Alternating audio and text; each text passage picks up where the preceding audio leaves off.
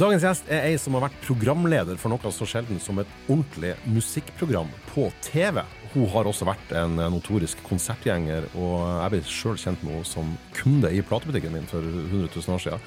Hun er en person jeg elsker å diskutere musikk med, rett og slett for at hun har superpeiling og er kjempeinteressert. Det er en stor ære å få introdusere dagens gjest, som er ingen ringere enn Ingrid Stenvold.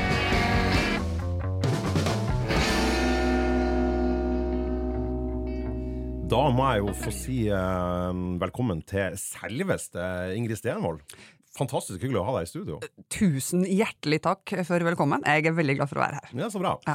Eh, da jeg ringte deg og spurte om du kunne tenkt deg å være med, sånn, så, så var det et, et moment jeg hadde glemt der. Vi sitter jo nå i eh, det er nøyaktig eh, seks dager til valg, og du er jo eh, både høyt og lavt i, NRK som eh, en veldig sentral del av valgdekninga til NRK. Vi kunne kanskje kommet på ei bedre timing og ha deg som gjest, men samtidig så gjør det jo deg veldig aktuell, da. Veldig aktuell, men litt tomt hode sånn musikalsk. Men det skal gå bra. Ja. Og så finnes det jo også musikalske øyeblikk i valgdekninga. Ja, for altså politikere og, og altså politikere som eh, med musikalske ambisjoner er ofte, er ofte litt trist, da. Eh, I utlandet har vi hatt en del eh, veldig grelle eksempler på det, men jeg tenker, i Norge er det noen norske politikere som har gjort musikalske ting de bør minnes på. Uh, ja. Og du hadde jo et par eksempler. Det ene var jo uh, kanskje det mest kjente det mest kjente musikalske mageplasket i norsk politikk. Ja. Eh, en forhenværende kulturminister attpåtil. ja. Og jeg husker da hun ble kulturminister, så ble hun spurt hvorfor har du blitt det her? Du, er du interessert i f.eks. rock? Og så sa hun eh, jeg har jo hørt om Def Leppard. Så hun hadde hørt om, hun hadde hørt om et band. Et band med en trommis som har ei arm. Det var, det var det hun hadde hørt om. Men hun kunne synge, da. Ja, hun kunne synge. Og det er altså eh, eh, for du, er jo, eh, du er jo veldig veldig musikkinteressert, og har også drevet på med, med musikk, altså spilt musikk sjøl. Og du er veldig musikalsk, da, vet jeg jo. Og de som er veldig musikalsk, vet også hvor jævlig vanskelig det er å synge konsekvent falskt. Ja, Det er kjempevanskelig. ja, det krever sitt. Men Valgerd Svarstad Haugland, som jo er den ministeren vi snakker om her, hun klarte altså faen meg å synge konsekvent surt.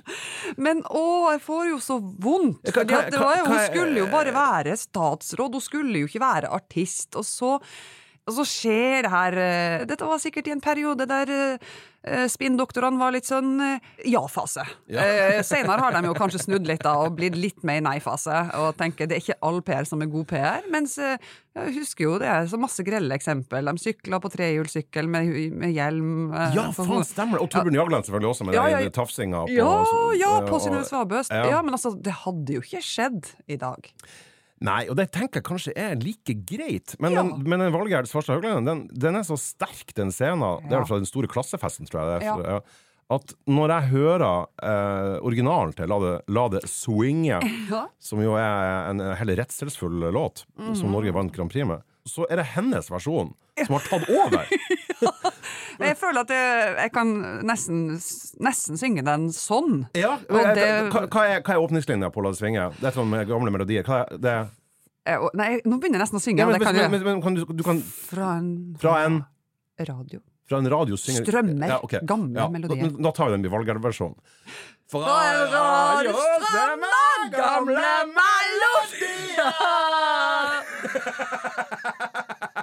Dæken, vi er gode, altså!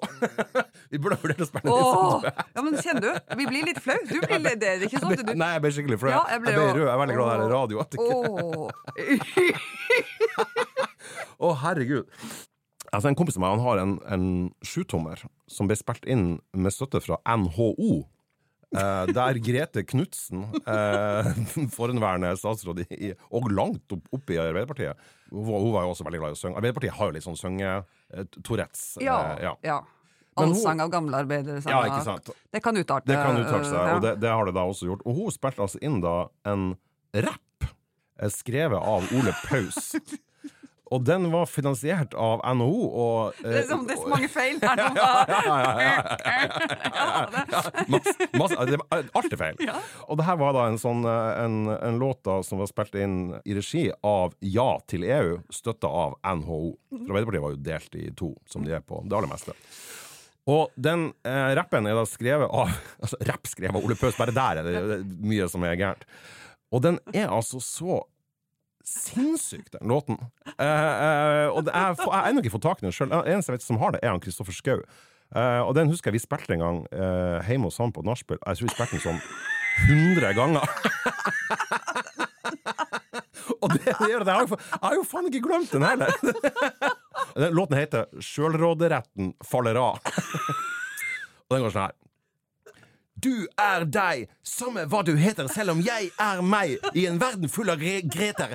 Kall meg Grete K. Grete, Grete, Grete, Grete. Har det Yo!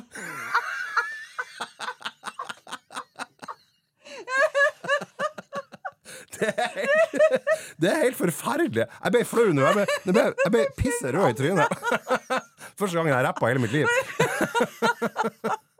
Og, og vi vet jo hva utfallet ble altså av EU-avstemninga. Ja. Det ble jo nei til EU. Og jeg tror den låten her var det som veppa det i, i, i den retninga. Jeg tror den fungerte stikk i strid med sin hensikt. Nå tar jo Ingrid av seg brillene, tårene renner. Ja, ja. ja, ja. Ja, men eh, du, du, da jeg snakka med deg om det her, sånn, det her må vi snakke om politikere og, og musikk, og så, og, sa du Ja, jeg, jeg sender deg jeg sender deg et YouTube-klipp. Og det fikk jeg.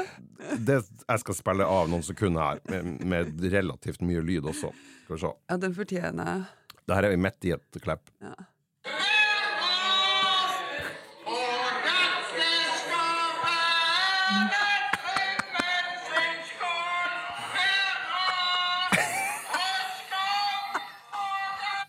det, det måtte vi stoppe av, av tone- og rettighetsårsaker. Kan du gi det her litt eh, kontekst, Ingrid? Ja, altså kontekst. Dette er jo da eh, kommune- og fylkestingsvalget for eh, fire år siden, 2019, i Bergen. Det her er en bergenser. Det her er en bergenser. Og det som da hadde skjedd i dette valget, var jo at eh, Bompengepartiet, eh, mange husker eh, kanskje det, raste oppover eh, på meningsmålingen eh, i løpet av valgkampen ganske kjapt. Og, og i Bergen ga det seg eh, helt sånn enorme utslag. De fikk 16,7% altså nesten 17% i Norges nest største by. Ja, det er helt vilt. det er helt enormt stor oppslutning, og, og den ble liksom det store protestpartiet. Og Trym Aafløy, partilederen, eh, ble jo en eh, figur, en karakter, eh, ganske omstridt, eh, men, eh, men eh, en som da plutselig Friskus. Pl ja, men Friskus, men han var jo da plutselig eh, en eh, spiller i den bergenske politikken. Det gikk fort ned igjen etter valget, det skal sies. Men på valgnatta, og jeg står da i studio Studio eh, i Oslo, og vi har livekilder eh, over hele landet, og, og folk som skal inn. Eh, og dette er noe som vi bare altså, registrerer skjer, og bare Er dere inne direkte da fra Bergen? Eh, Vi er også inne. Altså han, Ja. Trym Aafløy, vi er til stede der. Trym Aafløy gir et sjokkintervju, liksom. Eh, resultatet er klart.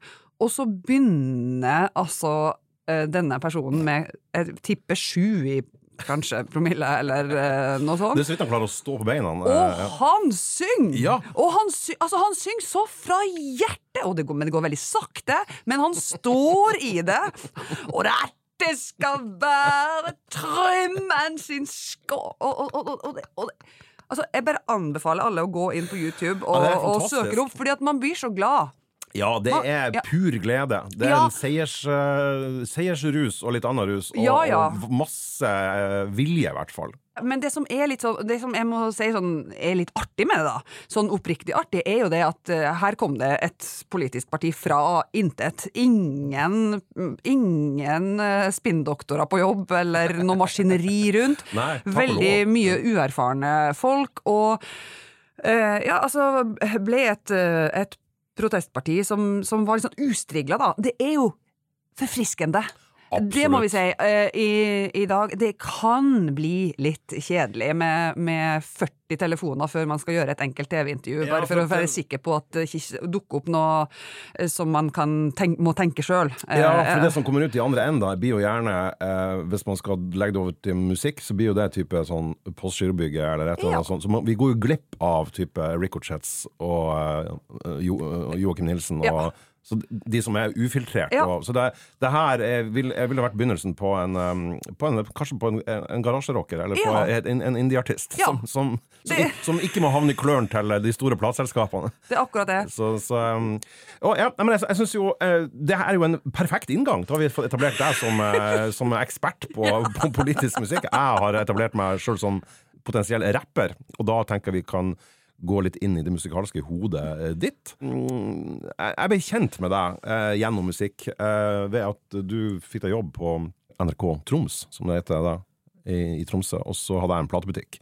Og så gikk du der og var kunde, og var veldig veldig interessert i musikk, og, og kjøpte masse musikk. Og sånn, sånn ble jeg kjent med deg. Og etter hvert på konserter. og, ja. sånn. Så du, du, du, har alltid for meg vært et veldig sånn musikkelskende menneske, og det tror jeg alle som kjenner deg, eh, også tenker på det sånn. Når, eh, når jeg skulle liksom, bare skrive en sånn intro til gjesten, sånn, så, så, så, vet jo alle hvem du er eh, i Norge, av, av åpenbare grunner. Men, men, men rent sånn musikkmessig så tenker jeg det, det, det, det, folk assosierer med deg, er jo at du var programleder for Lydverket. Jeg gjorde det ett år. Det var et vikariat, eller noe sånt? var det det? Ja, det var jo uh, det da jeg kom inn i det. Også... Ja, 2008 til 2009. Ja. For da, da gikk du jo fra Sportsrevyen, var det? Eller var det ja, fra, ja. ja jeg, jeg, du, var, du, du, du, var jo et kjent fjes da, men det var Jeg hadde fra sport. Fra, fra hadde, sporten, måte, ja. Det var der jeg starta på, på nasjonalt ja, og, da, og da var det litt sånn eh, Noen syntes det var litt sånn paradoksalt da, at eh, jøss, skal hun dit? Mm -hmm. eh, men jeg tror alle som kjente deg, tenkte at det var jo helt peise logisk. Ja ja, den gemene hop kjente meg jo som sports-Ingrid, sports, ja. så, så, det var uh, sikkert mye skepsis uh, der ute. ja. Du sa i et intervju med VG så sa du at, at det å jobbe med musikk hadde bestandig vært drømmejobben din. At du hadde mm. lyst til å gjøre det. Sånn, ja. Det, det, her var det her var ikke noe sånn noe sånn her du bare, bare ble kasta inn i. Du, nei, var, du, var, både kvalifisert og interessert og dedikert. Og, ja, ja, ja, ja. Så. absolutt. Og jeg syns det var uh, kjempegøy. Jeg syns jo eh, fortsatt at det er gøy. Av og til. Nå har jeg for eksempel nettopp, uh, i en annen sjanger, da, men gjort en jobb med KORK, uh, som en opera. Så Kringkastingsorkesteret? Ja, ja. Kringkastingsorkesteret, som hadde en jubileumskonsert for en operasanger i Målselv, Åse Nordmo Løvberg. Ja, stemmer det! Ja. Ja. Mm. Altså, Å få lov å jobbe med, enten om det er dem eller annen musikk, da, det er det Jeg merker at jeg blir, jeg blir så glad av det. Jeg, ja, for at du brenner for det? Ja, brenner for det, og mm. syns det er fantastisk. Så, så sånn sett så, så, var det å, å, få lov til å lede, og, og lydverket var jo omdiskutert og elska og hata og sånt, men det, var, men det, er jo musikk i seg sjøl. Det var jo faktisk et musikkprogram ja. på TV ja. som tok musikk på alvor, ja. journalistisk. Definitivt. Eh, og det, det i, i, ti år. Eh, og du er en del av den historien. Det syns jeg du skal være ekstremt stolt av veldig, at du er. Veldig, veldig, mm. veldig, veldig stolt av det. Og, det var, og jeg syns liksom eh, at uh, jeg skulle jo ønske at NRK fortsatt hadde noe lignende, da. Eh, det må jeg Jeg fikk en overskrift, da. Så bare pimp den litt opp. Skulle ønske NRK fikk meg tilbake i Nei, nei, nei. nei, men, eh, men, eh, men, men, lydverket tenker jeg i dag på som, som ja, en stolt del av NRK-historia. Og, og, det var Absolutt. masse dedikerte mm. folk, masse flinke folk som var innom den redaksjonen, og laga kjempefine ting. Mm. Nei, det var gøy. Og så er det ikke sikkert at det var den jobben jeg passa inn i akkurat det uh, musikkmiljøet, husker jeg at jeg tenkte. Uh, mm. og, det, og, det, handler jo om Husker du at du tenkte etter du hadde begynt i jobben, eller før du begynte i jobben? Nei, jeg tenkte det nok mens jeg jobba der. Mm. Lite grann. Det var ikke folkene det var noe feil med, eller Jeg vet ikke. Jeg, var det for, ungt, du, altså, var, var det for ungt for den 66-årige mannen som ja, var inni der? Ja, men det er sant. Det ble en liten krasj der, da. Jeg var riktig alder fysisk. Men, men det, var ikke, det, det, var ikke, det, var jo ikke, min musikk. Og så var det kjempegøy å være i et miljø der vi hele tida utforska ny musikk, og mm. spennende. Og det, det åpna jo også masse nye dører uh, for meg, og jeg syns det var gøy. Og det var jo også Vi var jo både tilbakeskuende og framoverskuende, så, så kjempeinteressant.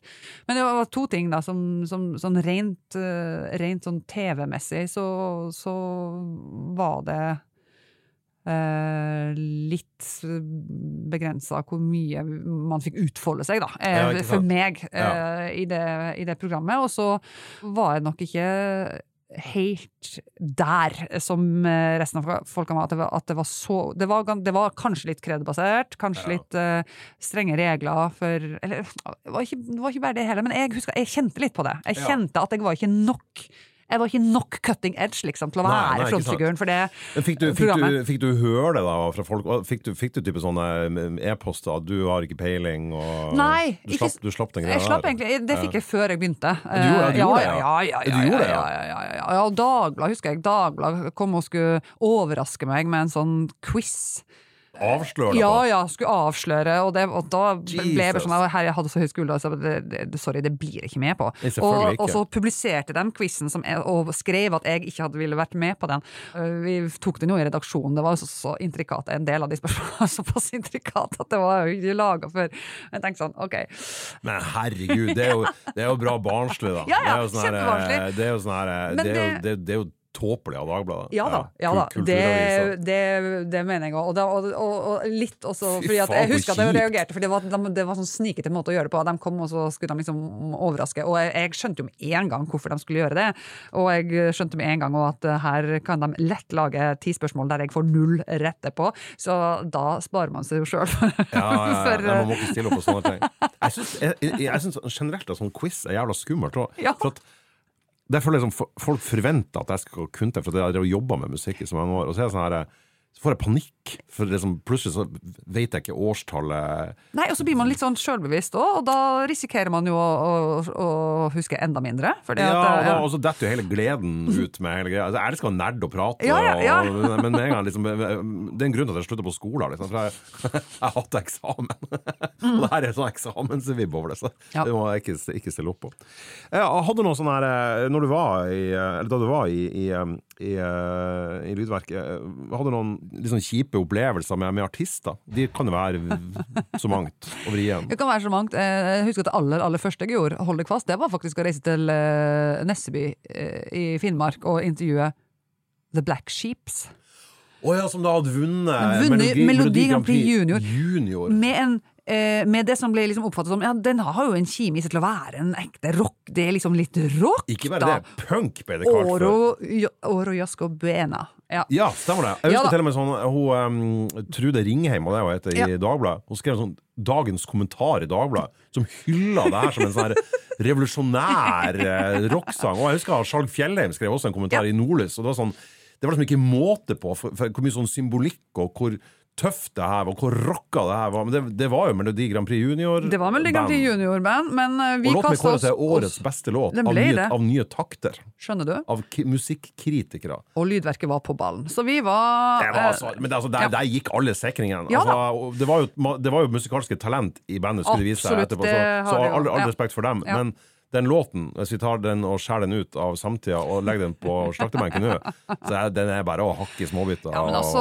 og de var jo unger, altså, herregud, all ære til dem. Men det var ikke bra rock. Nei da, nei da. Men, men dit ble du da sendt for å gjøre eh, jobb med dem. Det var jo Ja, ja, spesielt. altså, Ja, mm. vi, det var sånn rammefortellingsteknisk uh, Ja, så var det greie. et så var- NRK-band litt også. Ja da. Ja, da. det var dere ja. som hadde breaka dem på sett og vis. ja. Men, men det var noe, det var noe Det husker jeg fordi det var det, det, noe av det første jeg gjorde. Men altså, en, en ganske sånn eiendommelig greie var jo uh, at du reiste til uh, Stockholm og skulle intervjue Karin Dreyer Andersson. Uh, Ja, Fever Ray. Uh, Fever Ray. Ja. Da, det, da hun ga ut det solonummeret, Hadde jo stor suksess med The Knife. Ja, et, et jævlig bra sånn eh, elektronisk Ja, popband. Kjempebra. Veldig, veldig bra. Og så eh, Og de opptredde jo da med sånne fugle... eh, Ja, de har sånne masker. Masker Ja. på Ser ut som sånn Fever Ray, soloprosjektet hennes, eh, som også jeg syns nå fortsatt er et eh, fint eh, album, det som kom nå. Da var hun fortsatt på den uh, skjule seg, liksom maskebagen. Ja, på scenen, ja. Ja, ja. ja. på scenen. Men også da, så da var det liksom, når vi skulle intervjue henne, så kom vi til Stockholm, og da hadde hun ikke maske, men hun var, hadde helt sånn ansiktsmalt. Altså, hun hadde maske på, på intervjuet? Ikke bare det. Å, herregud! Ja, ja. Er det, er det, ja, det er fra, det er fra, Det er fra, NRK, ja. skjermdump fra intervjuet. Ikke bare det. Hun svarte. så hun er jo utrolig dyktig Altså, hun var in dame. character, på en måte, In, ja, en, en slags in character. Men hun svarte Nei, hun svarte egentlig adekvat. ab- absolutt. absolutt. Eh, smart, flink. eh, svarte eh, gode svar. Men du blir jo så forsiktig, for, for ikke bare skulle hun se sånn ut, stemmen skulle også fordreies.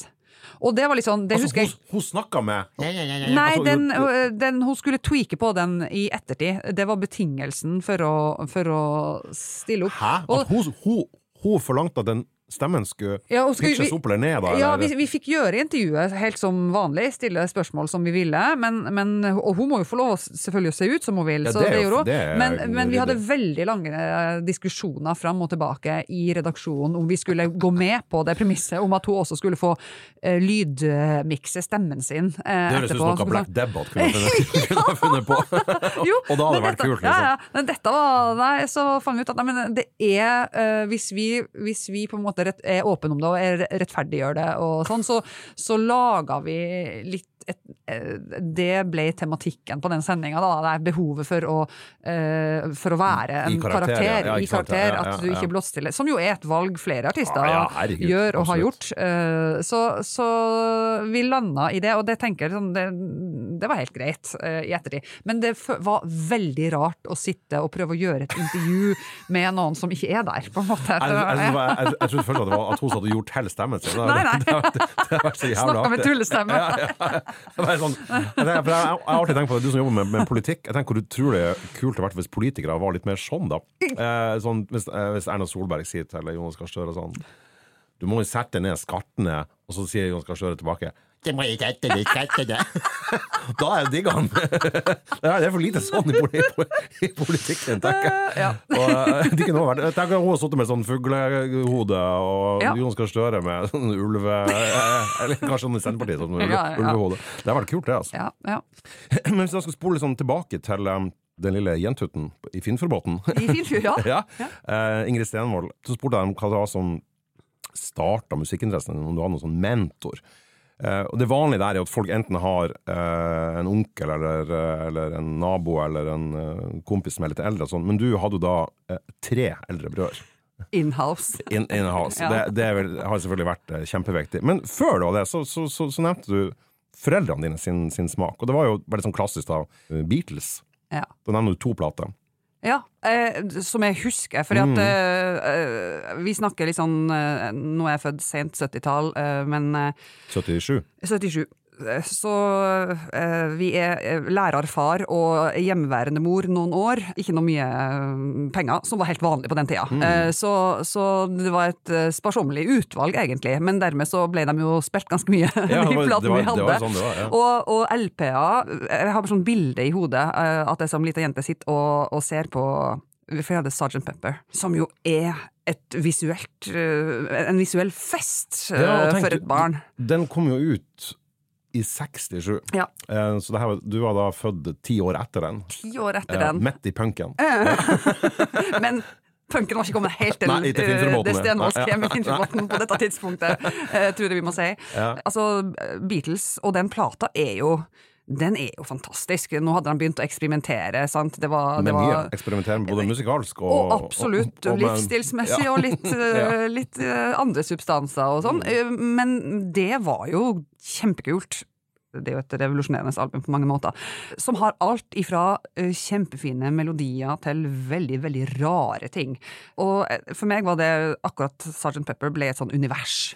Ja, det, det er veldig Ja. mange som er der, Mm. eh, og som mener at det er deres beste plate. Veldig mange som også mener at det, det er liksom den White Album og Revolver det som Ja. regel står mellom. Av og til noen syns Rubber Soul er det. For min egen del er jeg veldig, veldig veldig glad i Beatles. Så er det der den plata kanskje jeg har strevd mest med. Ja. Det er den jeg nesten aldri sett på sånn frivillig. Altså, jeg setter, altså, for det er så jævlig mye bra med The Beatles. Ja, så, ja, så, ja, ja, altså- så, så den er sjelden den jeg tar frem. Men jeg tenker som, som unge eh, når den da ligger i hjemmet ditt på vinyl, så er den jo et sånn her eye candy, da. Hele, Ja, ja, ja. med det coveret. Ja, ja, ja. I Kanskje, kanskje det var en vesentlig Absolutt. Uh, men selvfølgelig spiller det inn at det, var ikke, hadde ikke noe veldig altså, det, det andre Beatles-albumet var samle, det, eh, Red Album, det samlealbumet. Den røde, ja. Ja, den røde. Ja, og det er fra, det er fra tidlig Beatles. Det er fra tidlig. eh, 62 til 66, eller Stemmer det, ja. Min, klart, min favorittperiode. jeg tror rett og slett at, at det var det visuelle som appellerte mest. Altså. Men for meg var det en sånn eventyraktig Mm. greie, og uh, kombinert med, nei, musikken. Altså, det var sånn sterke minner. Uh, Ja, herregud. Da hadde du egentlig veldig fin dekning, for da hadde du jo alle de første singlene, eller alle de første, mange av de tidlige singlene og skiven, um, highlightsene fra dem da, på den, det røde ja, ja. Eh, jeg synes jeg liker at det er rødt og Liverpool, mens den, det andre samlealbumet som er blått, og. Liverpool er ikke så glad i. det passer veldig fint med kladden. Everton. Ja. Eh, Når du da eh, skulle gå videre her, så, så nevner du og det her vil jeg tro er foreldrene dine da, som, som uh, digger, det er, uh, det er Vømmøl. Ja. Uh, Nordnorsk visegruppe, Ja. Togn og Ero uh, og På stengrunn. Og det, er sånn, uh, det, det første jeg tenkte at Foreldrene dine de, de stemte ikke Høyre, de. Eh. Nei, eh, så ærlig kan det være at det gjorde de nok ikke. Men han pappa var jo da lektor. Ja, han eh, sånn radislektor. For det er radismusikk. Ja, ja, absolutt. Veldig, veldig. Eh, radismusikk. Eh, men han satt faktisk i kommunestyret, eh, om han var vara eller eh, Dette er så lenge siden, men, men for Venstre. Og Ja, Venstre var jo det, store det var- Ja, det var lærerpartiet. lærerpartiet der. Ja. Ja. Så, Stemmer, sånn sett kan du jo se en liten tåspiss i den borgerlige eh, leiren. Det må vi kunne påberope oss. Ja. Uh, ja. Den her, på stengrunn sa du eh, at det var en, en, eh, en kassett som ble spilt veldig mye i bilen, for det var kassetten Ja. i bestemt form entall. Ja, helt, helt utrolig mye. Jeg har hørt så mye på uh, det albumet. For det her er egentlig ganske sånn legendarisk norsk sånn radisalbum. Kan du fortelle litt om det? Ja, altså Det er jo da Rudolf Nilsen-dikt som er tonesatt av eh, Kommunist fra førkrigstida. førkrigstida. Døde ung. Ja, og, når man sjøl er eldre enn den alderen han døde, så, tenker man fy søren, så eh, mye han eh, Så mye fint han eh, rakk, å, rakk å skrive og gjøre. Men Lillebjørn Nilsen, Og kjæresten på den Lars tida. Hæ? Og kjæresten hans på den tida. Kari Svendsen, Lars Klevstrand. Ja. Steinar Ofstad var vel Ja, det som er. ja. Ja. Mm. De skal spille på nytt igjen nå, med Ja, Moddi! med Moddi! Jeg, så, jeg var på Rockefeller i forgårs og så Daniel Romano. Og så går jeg inn på toalettet, og der ser jeg det skal på stengrunn eh, fremføres på Rockefeller. Så var sånn Hæ? det, det- der kunne jeg glatt ha gått, altså, på en ren sånn nostalgitripp. Men nei, altså, eh, du vet, eh, vi fikk på et tidspunkt bil med kassettspiller. Da vi vokste, først hadde vi bare en Opel Rekord 1971-modell, der var det verken bilbelte eller, eller, eller kassettspiller. Men så fikk vi en Mazda 626 en gang sånn rundt 1984-85. Og da var det ikke så mye kassetter, men denne var, og jeg tror 85, 84-85, ja da var jeg jo åtte år da. Da, da kan jeg, altså Storbynatt for eksempel, en kvinne smyger hånden i min lomme og henger ved meg som en sulten klegg, og ja, altså disse, disse passasjene fra, fra Så ser jeg for meg lille Ingrid sitter med sånn beina som bare stikker ut av bilsetet, Ja. og synger de her tekstene. ja, Det er jo et nydelig bilde. På rams. Og de sitter jo den dag i dag. Det Ja, for du er sånn som husker alt. Eh, Tekst eh, husker jeg nå, men så nå, ja. Jeg skal ikke, nå føler vi har sunget ferdig i Ja, dette. nei, slippe å men eh, altså, og. Gategutt, Ja. kjempe, kjempesterke altså, tekster. Det er jo et fantastisk visealbum, må jeg bare si. Ja, og en, som heter Arbeidsløs jul der også. Ja. Eh, For jeg husker den eh, den plata der var det stadig vært folk som kom og spurte etter Der jeg hadde butikk. Mm, og den var ikke på CD. Og da den kom, så husker jeg jeg tok inn eh, ei eske, altså 25 eksemplarer. Jeg synes det var egentlig var litt sånn vågalt. Men det var, det var som hvis du tok inn Eller hvis du kjøpte ti plater, så fikk du én gratis av plateselskapet. Hvis du kjøpte 20, så fikk du to. Du to, og kjøpte du 25, så fikk du tre. Så ble det mye rabatt, da. Ja. Så der, faen, jeg tar, jeg tar ei eske med den. Og så satte jeg den bare på disken i en sånn sjokkselger en lørdag, for den fikk skiva inn på sånn torsdag. Og den ble utsolgt den lørdagen. Det var, det var sånn Folk ringte Ja. venner og sa 'De har fått på stengrunn!' ja, ja, masse gamle sånn Tromsø-radiser. Er- For den, den, den har en voldsom sånn posisjon da hos folk. Jeg er jo kjempeglad for å ha blitt eh, flaska opp på den. Etter hvert fikk vi også en til kassett. Det var Evert Taube og Cornelis Flesvig. Så, og, Ja, ikke sant? Det henger jo i hop, minst, like glad, minst like glad for det. Har du vært på fest i Sverige noen gang? Nei. For de er ikke mye Eller jo, det har jeg, men ja. ja. ja, for de er så jævlig glad i å synge. Ja. Og de sang Evert Taube, Ja. og de sang uh, Fresvik. Ja. Og de sang eh, masse sånn gamle g- griseviser. Altså, de, de, de er gale til å synge. Det er helt sånn her kollektiv eh, sånn sek Alle sikringene går, og så bare synger de og synger de, og synger de, og alle kan tusen sanger. Du føler deg utrolig utafor hvis du ikke er svensk. Hvis du ikke har hatt kassett i bilen og kjørt Ja, jeg- mil etter mil i Nord-Norge med Jeg tror du hadde blenda perfekt inn der. Det tror jeg òg. Ja. um, etter hvert da, så var det jo så var det jo de brødrene som, som uh, tok over inspirasjonsjobben, uh, sa du til meg. De er da henholdsvis 10, 7 og 4 år eldre enn deg. Ja. Hva var det de dytta på, da? Eh, veldig mye forskjellig. Eh, men det må jeg si at uh, som jeg også har tenkt litt sånn i ettertid, dette var sånn før internett og, og før eh, eh, holdt på seg, ble like tilgjengelig for alle, så syns jeg jo at ja, kanskje særlig han Vegard den eldste var eh, flink til å, til å utforske og, og finne Leste han bit og puls Helt sikkert. Ja. Altså, han hadde jo selvfølgelig også noen kompiser, da, som, som Så jeg skal ikke si at han gjorde absolutt alt på egen hånd. Men det var altså det, det jeg forbinder mest med han, kanskje er liksom Talking Heads og Roxy Music, og han eh, var tidlig på Elvis Costello. Hmm. Husker du noen spesielle Talking Heads-plater du likte? Ja? Altså Remain in Light eh, hadde den i hvert fall. Også, Fantastisk album! Ja, helt, eh, helt fantastisk. Den, den, den er det er den jeg liker aller, aller, aller best. Ja. Helt enorm Og så den her med People Like Us og True Stories. True Stories. Ja, Ja. mm, mm. mm. De to. Og så var, han- var han fort på Elvis Costello. Det, det er jo også Du er veldig, veldig stor fan, da. Mm. Eh, og du hadde eh, Spike som favorittplate. Den der, der Paul McCartney er med. Spike var den, var den første som jeg også husker, uh, som han uh, Vegard. Den og, og King of America. Men King of America er ekstremt Det er jo min favoritt i Ja, ok, da er vi enige. Ja, ja, ja. 1986. Ja. Men Mighty Like a Rose, husker du den? Mighty Like a Rose, ja! Ja, den. Fordi den eh, ble, var min på en måte eh, Det er 92, To, tror jeg. eh, ja. tror jeg. Ja, ja. For det stemmer perfekt. Det var hovedlandsrenn i Harstad eh, på langrenn da. Jeg hadde Walkman og én kassett. Eh, og, og det var eh, Elvis Costello og Mighty Like a Rose. Og det er jo et eh, slett ikke verken veldig tilgjengelig eller eh, og, Nei, det er ikke sånn- Litt sånn øh, ja, Begynte å lefle litt med litt sånn symfoniske greier. Veldig sånn melodiøst og fint og, og, og historiefortellende låter. Men, men det, det var liksom Det var den første store crushen jeg hadde på Elvis Costello. Det, det, det der er veldig rart. Det første albumet man, man hører, og når man begynner å like noe, Indeed. så er det rart at det, det ofte blir sittende, selv om man i ettertid objektivt sett Så jeg er fortsatt veldig glad i det albumet. Jeg hørte det i hjel, jeg hørte det når jeg skulle sove, og jeg hørte det når jeg våkna, og jeg sang det inni meg. Og, og ikke er det spesielt sånn eh, peppy heller, men jeg sang det jo når jeg gikk på ski. Ja, ja, ja, Eh, og gikk jo til, til dels fort på den tida der òg, men eh, dette, dette er liksom det, Så det, det er veldig rart. Det er veldig rart, men det er veldig kult. og For at broren min, som var fire år eldre meg, eller er fire år eldre meg, han, um, han kom hjem med, King of America, som den kalles for, The det Costello Show, eh, i 86, da den, da den ble sluppet. Og det, ble, det var min inngang i, til Costello. Ja.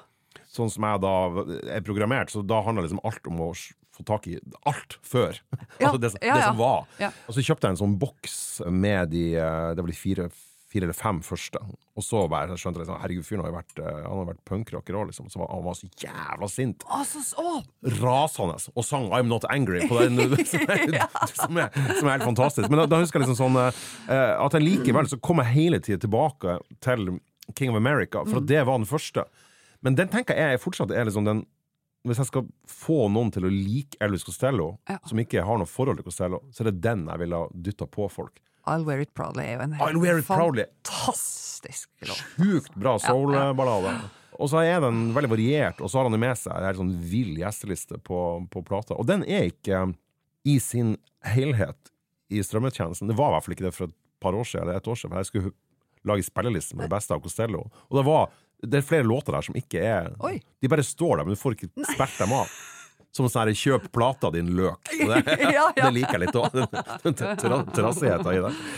Du nevnte jo en haug med, med, med ting her, altså sånn R.E.M., Pink Floyd Ja, R.E.M. eh, R.E.M. ble og var en det, det var noe jeg Det var flere av brødrene mine som, som uh, likte det, og, og Er det 80-talls-R.E.M. vi snakker om da? Eller? det ble jo ikke større etter uh, Out of Time, som, da, da de på en måte fikk det store kommersielle gjennombruddet med Losing My Religion. Og så kom jo den der Automatic Automatic People. for the People etterpå. Ja. Som jeg også likte veldig veldig godt. Altså. Det, det står seg som et knallsterkt album. Men, men, men for meg var det jo da 80-talls-R.E.M. Ja. det var jo ikke akkurat veldig mainstream ti år på fi- Finnfjordbotn. Nei, det vil jeg si jeg, ikke vanlig blant tiåringer på Nei, den men jeg elska det. Jeg er sånn skikkelig, skikkelig elska det. Jeg skjønte Men ikke hvorfor ikke ti, alle satt du som ti år og hørte på liksom Reckoning R.E.M.? Ja, Det er ganske, det er vrient, altså. Det er sært. It's the end of the world as we know it. Den er ikke, den er ikke på den. Den er på, Den er på Life is albumet Street etter- Ja, Ja. Nei, ja, den- husker jeg. Jeg har bilde av at uh, sitter, i, sitte i bil til og fra Bardufoss uh, når vi skal på skitrening, for der, der var det snø. Og vi kjør, altså, det var kjøring, da. Altså, vi hørte utrolig mye på i bil. Ja, eh, det gjorde jeg. Rart. Men eh, man ble jo litt ikke helt Kanskje ikke 100 i takt med sin samtid. Nei, for det er jo det, er jo det naturlige Det er jeg fortsatt ikke. Jeg er jo nå en 60 år gammel mann i, Ja, at- når jeg snakker om musikk. Det, det, jeg husker jeg intervjua deg en gang 50. om, eh, om sånn her Jeg hadde en spalte som heter I spilleren i Nordlys, da jeg jobba der. Så var det sånn her Hva er det du hører på akkurat nå? Eh, og så, og så da trakk jeg òg litt sånne her referanser til og det var det, det, alle navnene du, du name-droppa da, altså både det du hørte på da, og det du pleide å høre på tidligere, og det du likte, og det, alle referansene, det var basically eh, gamle menn med gitar og skjegg. og da tror jeg jeg sa noe sånn Du er en 66 år gammel mann gjemt i en ung kvinnekropp. Ja, ja. Og der har det blitt Og der har du blitt, ja. Og, og, og, og sånn har du vært siden du var åtte. det er jævla bra, for det her er jo 80-tallet. Det er liksom viktig å sette her inn i et relieff. det, det var jo da altså Det var jo Madonna Michael Jackson og a-ha og alle de her tingene som, som, som, som var det, det store. Jeg hadde Men- nesten ikke hørt om Michael Jackson. Men var det, var det på en måte sånn at storebrødrene dine ne nekta deg å høre på det? på Ja. måte, At de bare sånn Det her er det du skal like? Ja, eller nekta jo ikke, men det var en sånn der Det var en slags sånn eh, eh, indre justis. De var jo har begynt å bli tenåringer, og, og eh, ikke sant, da er det strenge regler for hva som er kult, og hva som ikke er kult. Og dette, dette sensa jo jeg veldig, veldig. Jeg husker a-ha. eh, 'Hunting High and Low' da den kom, uh, og jeg var jo midt i Altså, jeg var åtte-ni. De var litt, litt fiende for noen, og så var de innafor hos noen. Så det var, det var ikke krise å like å ha. Nei, det var ikke krise. Ikke. Nei, nei. Eh, og jeg var jo eh, ung og mottakelig eh, da. Eh, det var ikke eh, brødrene mine. Jeg likte det ikke eh, da. De har moderert seg veldig, og i dag tror jeg de vil protestere på at de syns det var så dårlig. Og jeg tror nok at særlig han eldste kjøpte noen album etter hvert, da. Det, Ja, for de ble jo etter hvert også et veldig sånn altså, De fikk jo gode kritikker. Scoundrel Days og sånn, ja, ja, mm. eh, da var de på ballen. Men, men jeg husker det, jeg var helt sånn, og så hadde jeg sikkert sånn der eh, crush på eh, med de lærreimen ja, ja, ja. rundt håndleddene og syntes at eh, de guttene var kjempesøte. Eh, og så fikk jeg ønska meg til jul, og fikk LP-en Hunting High and Low, som jeg, den dag i dag syns jeg er en helt fantastisk uh, plate. Har du, har du vinylutgaven fortsatt? Ja, jeg har den. så Jeg bra, ja. tror jeg kan stå i Finnfjordbotn. Og den fikk jeg, og den klarte jeg å være stolt av sjøl, da. Selv om dem. Det var, så det var liksom det første som jeg klarte på egne, egen kjøl. ditt, ditt band og ja, din band, smak. Ja. Og, jeg, mm. og det var Jeg skrev ned tekstene på, på åtteåringens eh, engelsk. Og på eh, sånne tulleengelsk? Ja, ja, ja. Jeg Skrev svarte. det jeg hørte, sånn at jeg lærte meg dem utenat. Og, ja, og, ja, Husker du noen sånne feil eh, Ja, jeg husker bare at det, altså, Take On Me, for eksempel, så er det jo umulig, det er umulig å høre hva Morten Harket Jeg visste ikke hva han sang her før jeg var syng. 40 Nei, eller noe sånt. nei, og jeg tror for, jeg er fortsatt i tvil, faktisk. Så, så, men jeg, da husker jeg bare at det, det jeg i dag vet han synger, det var bare tu-tu-tu når han er oppe på de her Ja, høye tonene. ja. In a day or two. I'll be gone in a day or two, synger han oppi, Ja, ok, høy- ja, oppi ikke det, det husker jeg ikke helt, men det, det er Nei, altså, ja. jeg, jeg hørte, ingen, hørte ingen vokaler, nei, konsonanter eller noe, så det ble bare noe sånn u-u-u, står det. Nei, eh, ja. Også, ja, men uh, kunne, kunne jo lite engelsk før i tida. I gamle dager begynte vi jo ikke med engelsk på skolen Nei, vi før i norske, fjerde klasse, eller ja, norske utenriksministre som ikke kunne engelsk på den tida. Så det var ikke noe å være flau over. Et annet band som du nevnte her, uh, syns jeg var veldig kult at du nevnte, fordi de trekkes egentlig litt for sjelden frem, syns jeg. Um, jeg tror de er fra New York. Bandet heter uh, 10,000 Maniacs. Ja.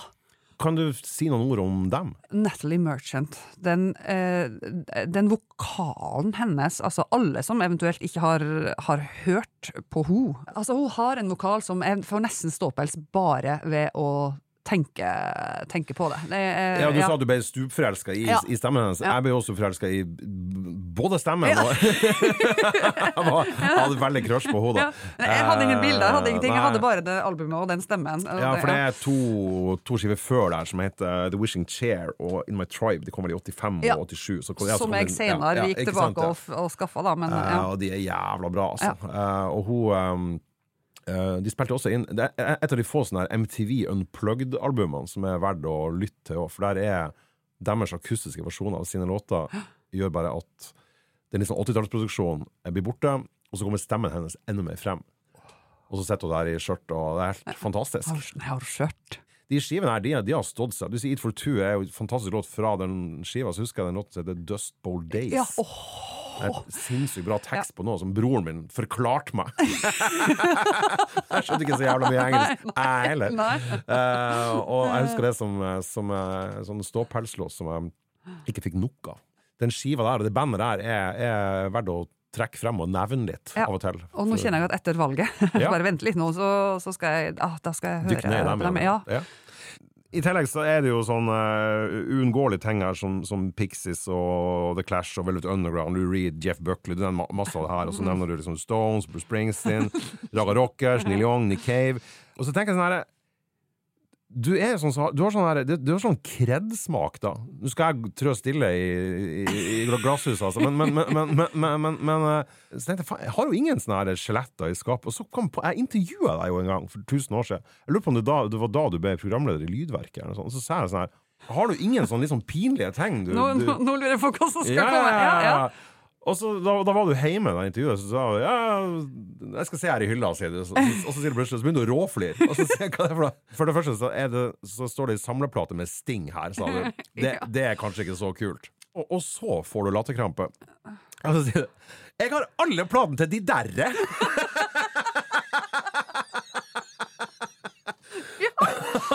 Og det, det syns jeg var en fullstendig krise. Eh, men de solgte jo sånn, type sånn 200 000 av andreplata si, så det, det er jo veldig mange som er i den krisa, da. ja, ja. Jeg er blitt veldig redd for å, å såre folk. Ja, og så, sånn- og så kjenner du eh, Ja. frontfiguren, og så kjente du jo også han Knut. Da, Ja, ja, ja. ja, ja. Og, og, og, men, men, og de der må jeg si, det kunne jo vært eh, For meg er Postgirobygget litt eh, verre.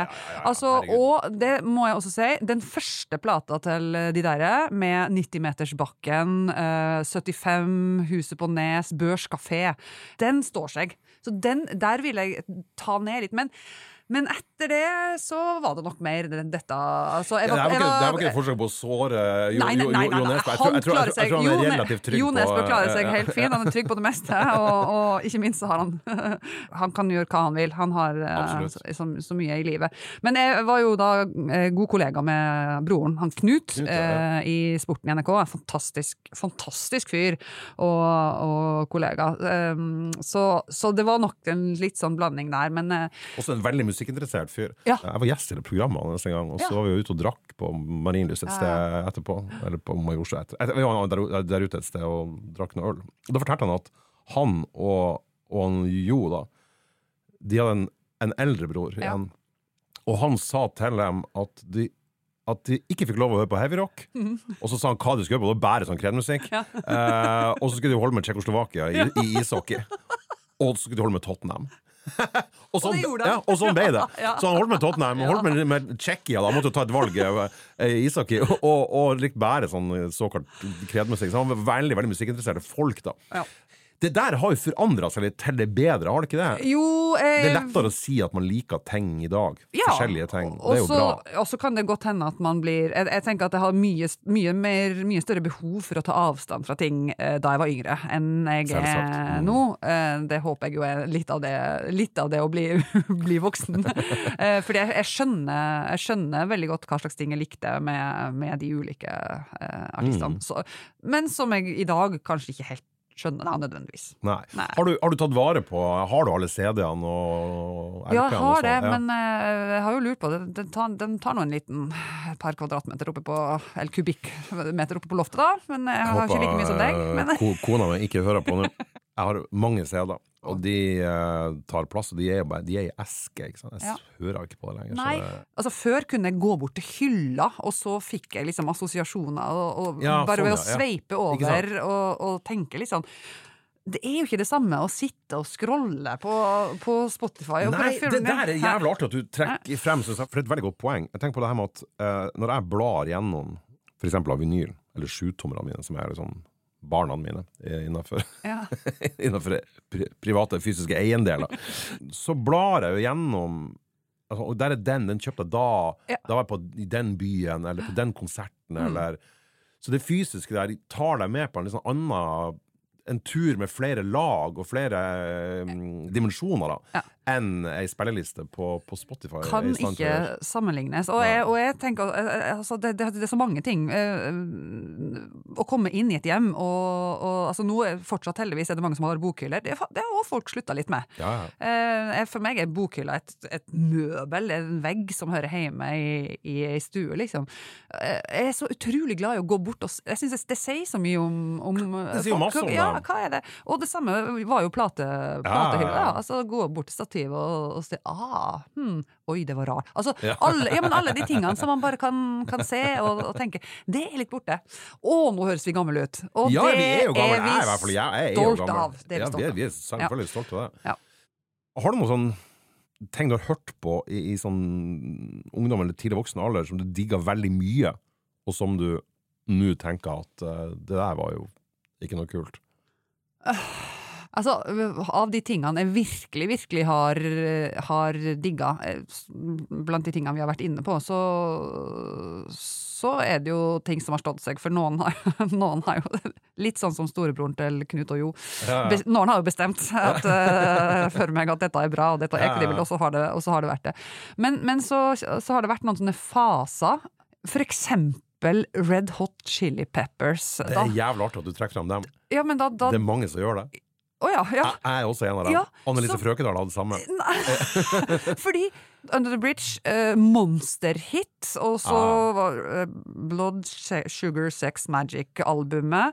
Eh, kjøpte selvfølgelig. Produsert av Rick Rubin. N- Ikke Det- sant? ja, Ja, men det var jo som liksom, eh, Det var ting her som var riktig, og det var liksom Det, det traff en nerve, og det var Det likte jeg ganske godt. Og så Jeg, og- jeg kjøpte plata til meg, og så var den lang. Den var jo 77 minutter eller noe ja, sånt. ja, ja, 75 ja. minutter. ja, det er null problem. Og det er altså helt uforståelig at man kan ha likt, syns jeg sjøl. Ja, altså det, Det- er en av de tingene som jeg, jeg kan høre i dag, og så skjønner, skjønner jeg ikke hva slags mekanismer som gjorde at dette slo an i mitt hjerte. Det, I tillegg, det gjør det ikke bedre, så var jeg på en konsert med dem i Spektrum, tror jeg, som altså var så ræva. Det er i dag et ikke-eksisterende forhold. Eh, Ja, men det er bra. ja. Annelise Frøkdal sa det samme. Hun, hun, hun, hun, hadde, helt sjokk når hun hørte gjennom plata i, i sånn voksen alder. Og bare sånn Hæ? Virkelig? Var det det her? Og så så jeg et jævla bra Nick Cave-sitat. Jeg så han sa I'm forever near a stereo saying What the fuck is this garbage? And the answer is always Red Hot Chili Peppers.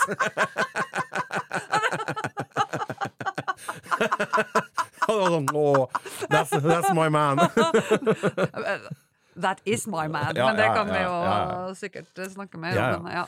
Eh, Du er jo også uh, musikalsk utøver på, på hobbybasis. Ja, la oss snakke litt ja, om jeg, det. Jeg vil gjerne snakke om det. At, um, jeg husker da du flytta fra Tromsø til, til Oslo. Shame on you! Jeg angrer. Ja, ikke sant? Og så, så husker jeg at det var, du snakka om at du lurte på hvordan i helvete du skulle få med deg instrumentet ditt. Og det var da ikke da et munnspill. Si det. Si det. Ja, så, Ja. for Jeg, jeg, jeg, jeg er alltid i tvil om hvordan det uttales. For inni meg så vil jeg si cello.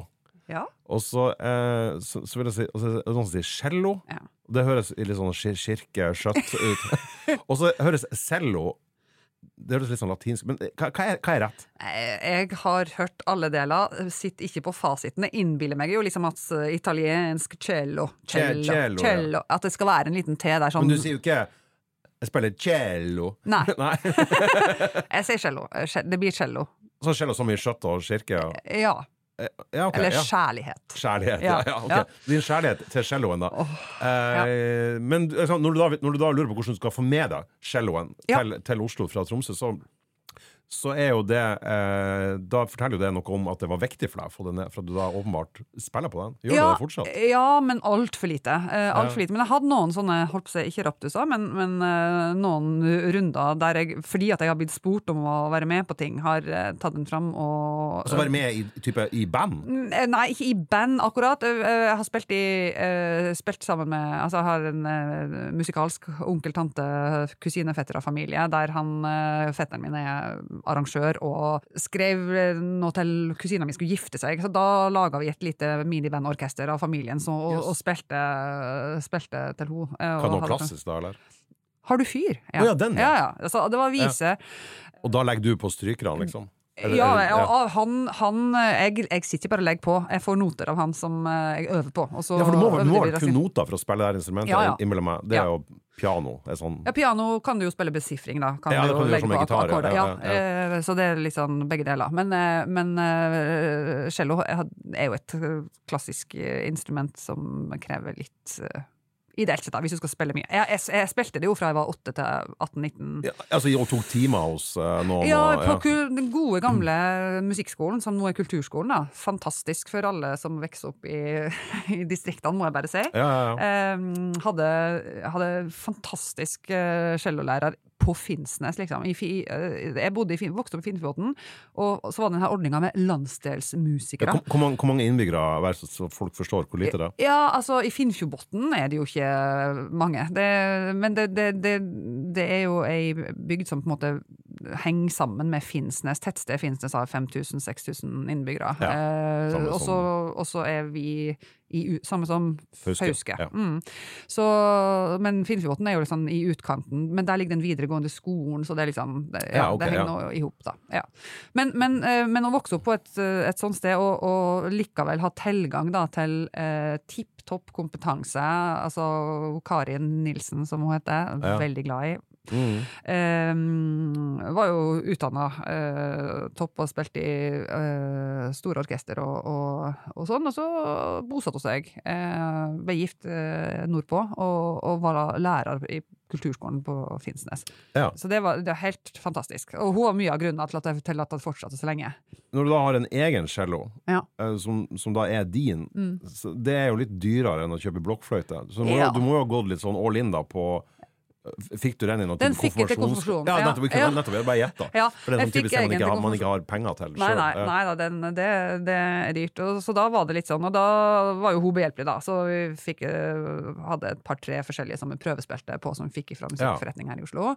Sendt eh, nordover. Og så, og så hjalp hun meg da å velge eh, en gammel ungarsk fra tidlig 1900-tall som hadde en par sånne Den hadde fått noen kakk, kanskje i første verdenskrig, kanskje i andre, vet ikke. Å, den dæven, er den- den så Den gammel? var, ja, kjempegammel. Altså, celloen er fra før første verdenskrig? Ja, 1908 var den produsert. Å, helvete! Over 100 år gammel! Ja, og det er jo Hva, ingen hva kosta den, da? Nei, hva kosta den da? Eh, det, 25 tusen. Holy Ja. shit. Ja, det, du har fått en jævlig god gitar for det. Ja, for- ja, ja, altså, altså å få gode, gode strykeinstrumenter, det koster jo, men altså, det er jo ikke noe ulempe at de er gamle. Eh, det vet jo de Ja. Stradivari ja. ja. osv. Eh, er jo noen hundre år gamle, men de er jo de mest sagnomsuste instrumentene. da. Ja, men det er jo sånn på gitarer òg. Altså Ja. og til og med elgitarer fra 50- og 60-tallet går jo i dag for sinnssyke summer. Ikke sant? For Ja. de, de låter bedre. Men, men, eh, men øh, når du da sant, du, du får en, en cello i konfirmasjonsgave, du, du går på kurs eller tar, tar timer. øh, fikk, fikk det her deg på en måte inn i klassisk musikk, eller var det, eller var, det det du spilte med? Eller er det det Ja. du spiller med, med celloen? Ja, kla spilte klassisk. Jeg spilte jo, det, altså det hadde vi jo med hjemmefra, da. I altså, mm, han en av brødrene mine spilte fiolin, og en spilte piano, så, så vi gikk liksom og, og tok timer for å lære oss klassiske instrumenter også. Et eller annet med Kanskje selv pappa syntes det var Det også var viktig når vi hadde anledning til det. Vi var så privilegert, for han hadde bestandig hatt lyst til å Ja, lære seg det. Ja. eh, Og ikke, ikke De hadde et sånn trøorgel, men det var Så ikke sant. eh, Det var et eller annet med å bruke de mulighetene som var, og det er jeg jo eh, kunne da sikkert være litt slitsomt, men jeg er veldig glad for det i dag. Og det åpna også som du sier, den, den døra til Ja, ja, ja, den ja. verden. Men har du noe sånn, eh, har du noe sånn uh, din klassisk uh, Elvis Costello, da? Beethoven eller Mozart? eller- Beethoven er jo, går jo aldri av moten. Jeg syns det fortsatt kan være helt, sånn, helt fantastisk. Han er den rå, råeste for deg, da? Ja, symfoniene til. Beethoven. Uh, ja. Er- Kan du Skjennusymfonien på cello? Ba, ba, ba, ba. Ja, begynner ikke det med en stryker? Jo, jo da. Er, det- er det cello? Ja. Ja, det, ja. ja da. Dæken, jeg er god! Bare gjett, det. Jeg tipper det er bass òg. Jeg har ikke, jeg har ikke jeg, jeg, spilt bare hører hører for meg at jeg jeg, er, er stryker. Og så, så begynte jeg å tenke på det der Sjøl Selv om det var noe sånn Har jeg noen favorittlåter med, med cello? Ifra, ifra populærmusikken, Ja, liksom? ja, ja, ja. Uh, og så tenkte jeg plutselig på sånn det, Ja. Den Tindersticks-låten 'Tiny Tears' er altså en av verdens vakreste låter. Mm. Den er jo er brukt eh, to ganger i samme episode i Sopranos. Når de celloene kommer inn i midten av låten og liksom smeller i lufta, så, så knekker det alltid noe inni meg. Det er så jævlig fint. Så eh, jeg, jeg er cello en stor takk skyldig for, for populærmusikalske opplevelser også. Eh, men ha, har du noe sånt at du, når du da hører eh, cello brukt i populærmusikk, for det brukes jo Mm. altså, som et strykeinstrument, og ofte Hører du da sånn 'Å, han eller hun var jævlig god'? Nei, og det, det tenker jeg nei. Ja, eller sånn, jeg, jeg, jeg, jeg kan jo høre det Eller, eller se det om de kan spille eller ikke. Eh, Men eh, jeg tenker det handler jo mye om eh, å spille på en måte som passer kler musikken. Og sånn, Ja. og da er ikke, da er det ikke alltid at det er perfekt klassisk skolering som skal til. Så lenge du spiller rent, liksom, så Ja. kan det hende at det er et annet lydbilde det skal passe inn i. Så, så det er kanskje ikke den beste arenaen til å gjøre en, hår, en hårfin bedømming av hvem som er veldig god å spille eller ikke. Men hvis nå eksempel Stein Torleif Bjella, la oss si at han hører på det her nå, Ja. Er det sånn at han kan ringe deg og si um, Du Ingrid, kunne du tenkt deg å lagt på cello på den eh, ene altså, det- Du har sagt ja da? Det er min drøm. Hører du. Stein Torleif? Her har du muligheten. Nei, å nei. Ja, nei, tenk hvis det hadde skjedd. Eh, Men jeg er jo Ja, ikke sant? Eh, Nå har jeg akkurat sagt at man trenger ikke være perfekt klassisk Nei, skolert. nei, for Ja. Men, nei, men han skal, han skal unne seg noen som er bedre enn meg, altså. Det skal han gjøre. Jeg synes Men jeg stiller opp hvis han spør, altså. Ja, det det gjør jeg. ja, ikke sant. Det var det, det, det var det jeg skulle ha til å si ja til. Vi er jo også nødt til å ta deg med ut på ei sånn eh, imaginær eh, øde øy. Jeg hadde spartesete på en øde øy eh, i avisa i Tromsø, som egentlig denne podkasten er en slags spin-off av. Og der svarte du 'Born to Run' Ja. av eh, Springsteen, som jo eh, må kunne sies å være ganske sånn logisk valg. Den tredje skiva til Springsteen fra 1975 Den er jo smekke, smekke, smekke full av klassiske låter, og du er veldig veldig Springsteen-fan, så det gir veldig, veldig mening. Um, kan du si noen ord om hvorfor den eh, fortsatt er, står så høyt for deg? Det er vel antar det er flere Springsteen-plater. Ja, ja, det er flere åh, 'Darkness on the Edge of Town'. Jeg, jeg, jeg husker, men jeg husker at jeg prøvde å rasjonalisere hvis jeg skulle ha med meg et album på en øde øy. da At det måtte Ja, ja. være en eh, ikke, ikke bare 'Darkness'. For jeg har jo mange eh, gitt mine musikalske preferanser med menn med skjegg og Ja. sånn, så kan det jo bli litt mørkt i lengden. Så altså, den er jo den Born ja, og Darkness on the Edge of Town, Ja. er, den er jo så kølemørk. ja, ja, mens eh, altså Born to Run, den, den strutter jo egentlig veldig av all den skaperkraften som, Ja. eh, som eh, denne eh, pur, pur unge, det må vi ikke glemme, Springsteen hadde. Og, og jeg, jeg, jeg mener at jeg rundt denne tida også hadde fått den Hammersmith Odeon eh, konserten, og som jeg bare Jeg så den igjen for ikke så lenge siden, kanskje et år siden, og jeg blir fortsatt litt sånn her slått i bakken av hvor sykt hvor, For det første hvor bra det er, men hvor hvor ung han er, hvor tynn og spinkel og liten han er. Han begynte jo å pumpe jern litt tenker Jeg Jeg ser for meg det der uh, eh, Born in the USA-coveret, der han har begynt å få litt uh, Sikkert fått noen manualer i Ja, ja, garasjen ja. og sånn. Men, men på det her tidspunktet, han var bare en, en, en spirivipp som oser av energi på scenen, og, og de låtene bare springer ut. Altså. Ja, og han er jo nesten ikke borti scenegulvet. Nei, nei, nei, men det, er- det er helt vilt. Det er helt Det, vilt. det må være noe av det kuleste som har vært å Ja. se live Tenk ever. å ha vært der. Altså, det, altså, det tenker jeg at og, og, Ja, da var du minus to år. Ja, da var jeg minus to år, faktisk.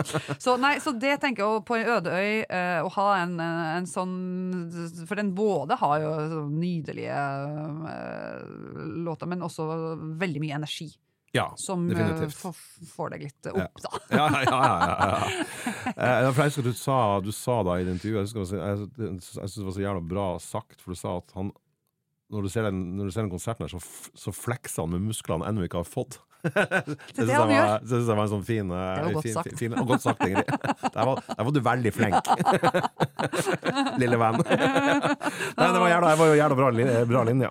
Ei anna skive du nevnte, var um, uh, også en veldig sånn opplest og vedtatt eh, klassiker, definitivt. Det er en plate fra 1997 Ja. av en uh, mann som heller ikke er kjent for å ha så mye lystige, lystige tekster. Men det her er, er jo en plate som egentlig er mer over i den, i den uh, myke, eller mjuke og fine sida. Mm. Hvilken plate snakker vi om da? The Botman's Call, Av Nick Cave. Nick Cave and The Bad Seeds. Ja. Eh, og det er, en altså, det er en sånn evig, evig favoritt, og det er liksom Over halvparten av låtene kan få meg til å grine den dag i dag. Uh, og jeg har jo siden 97 Herregud, det er jo mange år siden. Så Ja, altså, jeg har bare blitt mer og mer og mer og mer glad i Nick Cave. Eh, og han har jo faen meg bare blitt bedre og bedre og bedre. Han er Ja, altså Det han holder en, på med live og sånn det er, Altså, det er vi- noe av det beste som er på jordkloden. Vi har vært i lag på Ja. noen av de Ja, konsertene. Jeg husker at og, eh, etter Øya i fjor Ja, det var jeg, helt, jeg bare eh, gikk ut derifra, og så tenkte jeg Alle andre kan bare slutte. Ja, men alle andre artister kan bare slutte. For det er det, det her Det er ingenting som kan måle seg. Det tok tre toner, og så har han hele bakken i sin hule hånd. Får folk Altså, han er, han er, han er en preacher, han er en trollmann. Han, han, han, han er, er bare så sinnssykt karismatisk. Og så er det noe med de her tingene han har begynt med, altså de her eh, Red Hand Files, eh, som er så sårt og åpent og sjølransakende og respektfullt eh, for et publikum. Det, det henger jo sammen med Nå baker jeg inn mye her. Altså, Ja, det- de det- her det er topp, han har mesta, han har me- to sønner, ikke sant? Og, Mm, og, på relativt kort tid. på kort tid. Mm. Eh, kjempetragisk. Han ser jo at dette er en måte for han å, å takle sin egen de sorg på, på, men dermed den, eh, den respekten og åpenheten som han viser da for andre som, som ja, er i samme situasjon, eller Ja, for han går direkte i dialog med fansen. Det er er Svarer er alle, greia. Og det- svarer omtrent alle, tror jeg. Og som egentlig er litt sånn atypisk den Nick Cave som han husker, da. Ekstremt, ikke sant? Og det her Altså, har han jo på en måte klart å bake inn i konsertene sine òg, der han nå, i motsetning til før, kommuniserer sammen med publikum. Ja, ja. Samtidig som han er jævlig skummel, Ja. som rock på sitt er- aller beste skal være. Rock skal være skummel. For han har med seg Det er det som er så unikt, og han har jo med seg altså, Han kan jo, når han ber folk ta for helvete og legge vekk den der mobiltelefonen, og folk bare blir helt så stressa og putter den i lomma og ikke My man. så, ja, ja, og så rasende, og så har han jeg vet ikke om du fikk med deg Conversations with Nei, jeg var dessverre altså. ikke Nei, på den konserten. Det er eh, Jeg trodde det var litt sånn døve greier, men det viste seg jo at eh, det var feil det- feilvurdering. Ja, det var kapitalt feilvurdering, Ja. Egon Holstad. Nei, jeg, jeg var i Konserthuset, eh, og, og det var òg en helt sånn eh, Altså, at en artist ved et sånt format eh, går rundt og, får spørsmål fra salen, tar alt oppriktig. eh, noe var han jo på grensen til å ikke klare å være altså, For det er jo jævla risikofylt. ja, ja, ja, og eh, noen har veldig behov for at han, er, han har jo også blottlagt et, et slags sånn, en åpenhet for det spirituelle. Mm. Aldri egentlig bekrefta hva han er eller ikke er, hva han tror på eller ikke Han er tror vel litt sånn gammel, kategorisk. gammeltestamentlig kristen på et vis. Ja, på et eh, vis, på et men- vis, men, men- samtidig veldig eh, Men veldig åpen for, ja. for eh, tvil og tro, da. På en, på en sånn måte som eh, kan tiltale meg som fullstendig ikke-troende, holdt jeg på å si. Altså, Mm. At jeg kan henge med på, fordi Mm. han argumenterer godt. Og, og, og, det, og hans møte da med folk som har behov for å få bekrefta at han tror på det samme som Mm. dem, eh, og, og ble ganske sånn eh, vennlig, men bryskt liksom eh, avvist. Eh, det, var, det var også, også fascinerende. Også, også, Jeg leste bare sånn, Apropos det, jeg leste en sånn eh, en lang, lang sak om Nick Cave for masse år siden. Det var eh, rundt Let Lovin-tida. Da har Nick Cave har tatt et fly fra Australia til England eller andre veien, jeg husker ikke, men han i hvert fall på den lange lange flyturen så hadde han fått eh, helt sånn syke abstinenser. Eh, altså på heroin. Så han uh, blir liggende skjelver i midtgangen på flyet uh, og bare svetter og, og vrir seg i smerte. Og, sånn. og, så, og, da er det, og da er det en prest der som tror at han er liksom besatt av uh, onde, onde djevler. Og sånn. Og han setter seg opp med han og så begynner å forkynne uh, Bibelen til han. da.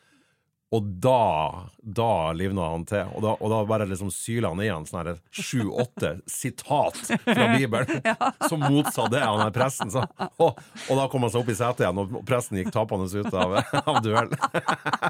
altså, det er helt episk å lese. Ja, ja, ja. Nei, for at, uh, som du sier, da, gammeltestamentlig måte å tro Han er jo sykt uh, opptatt av uh, religion, men mm. også dens dårlige, eller min, mindre gode sider, da. Ja. Nei, så nei, Nick Cave, altså. Ja, herregud, vi kunne det... ha en, en time med deg om, ja. Eh, om, han. Men det var ikke han du landa på heller. Den plata du landa på, er jo eh, et veldig eh, anerkjent rockalbum. Um, som kom eh, egentlig mellom to plater jeg har hørt mer på. Mm. The Man Who Sold the World Eh, kom i 1970, og så kom vel Siggy Stardust i 72. Men denne plata er fra 71, og vi snakker selvfølgelig om Hunky Dory. David Abowie! Ja. David. Ja. og Hunky Dory. Eh, er jo en monstruøs klassiker i, i rockehistoria, helt, ja. helt, helt, klart. Hvorfor gikk du for, eh, hvorfor gikk du for den? Det kunne blitt eh, begge de, du, de, to du nevner. Det kunne blitt low. Kunne, altså, men igjen, Hunky Dory er den som Det var faktisk den første. Det var min eldstebror, han Vegard, som, som eh, hadde den først. Det var den første David Bowie-plata jeg hørte på, og som har eh, kommet tilbake til eh, igjen og igjen og igjen. Og så har den jo Life on Mars, da, som er ja, den har jo changes, begynner jo på hele ja, å med. Så det, ja, ja, det, det, er noe å ta av der, gitt. Men Life on Mars er, er liksom monster eh, Nei, just uh, Det er lov å si det. Ja. Ja, herregud. Den, altså, For jo, meg, da. Eh, men, men changes, er, er, changes, er, den som jeg, som jeg Er den første som jeg husker, da. Er, mm. Men den er jo uh, litt sånn uh, pop-rock-aktig. Lett å like. Uh, lett å, å skjønne hele plata er bare veldig variert. Ja, og så har du for eksempel den her akustiske, den Andy Warhol. Uh, Andy Warhol ja. scream. Ja ja, ja, ja, ja. Og der er det jo Du sagt du ikke skulle synge forrige gang, så jeg, er veldig glad du ikke la bånd på den. Så det, det er topp, det, Ingrid. Jeg blir lokka utpå ja, ja, det, det er fint, det. Men, men han, eh, der, for der er jo han um, Det er så kult, han, han produsenten, hva heter han, Ken Scott, han uttaler Andy Warhol feil, produsenten i en samtale med, med Bowie. Da, så, Warhol? Ja, Is it Warhol? Ja, ikke sant? og det er jævlig Det tar jo over først når man har sånn datalyder, eller sånne elektroniske lyder, sånn, og så begynner det krangel mellom han og Eller han Bowie irettesetter ja. produsenten, da. Mm. og så kommer da eh, Mick Ronson sin, eh, sin gitar inn, og så Ja, mm. ja, ja. ja, ja og det, og det, det, det, det syns jeg er kult at de beholdt den der greia da, på, på plata. Og det var sånn som Bowie bare kunne gjøre, for at han var David Bowie. Altså David Bowie, for en kunstner! Hans liv fra han starta på scenen, og hvordan han bare gikk videre eh, eh, fra ting som plutselig, når endelig var blitt stort og populært, ferdig med det. Går videre. Gjør noe helt annet. Eh, skuffer sikkert mange av dem som har elska han. Når nye folk. Ferdig med det. Går videre.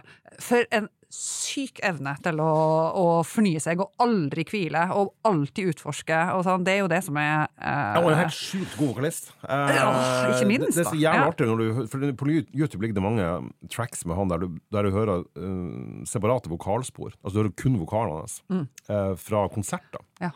Der de har tatt ut vokalen. Og han synger altså, i motsetning til Valgerd Svarstad Haugland Så sang han altså han Nå hadde sikkert ikke hun propp i øret. Nei, det, var, det var jo ikke noe in-ear uh, in-ear-teknologi da, da, heller, men, men han, han, han synger altså helt sånn prekkfritt. Mm. Det er ikke én sur tone. Det er, det er sånn sykt å høre på. Og hodet smekker fullt av all slags eh, abstinenser, det var det motsatte av. All slags, all slags substanser. Eh, Men, men likevel så jævla på ballen da når han, når han fremførte. Så han, han var, han var altså, altså, på, på, sannsynligvis på pallplass tidenes mannlige soloartister skal, skal, skal kåres. Også så kompromissløs da, for det som han Mm. sjøl trodde. Altså, jeg var på den her på den eh, David Bowie-utstillinga som eh, turnerte. Jeg fikk sett den i Berlin. Uh, og der var det jo blant annet en sånn stor hall med konsertopptak. Uh, med den, uh, det som skulle være den, det som ble den siste Siggy Stardust-konserten. Å ja, ja. Og, eh, for da var han selvfølgelig ferdig med det. Det var, ble en kjempestor suksess. Ja. Eh, I sitt hode var han jo langt videre, men det visste ikke bandet.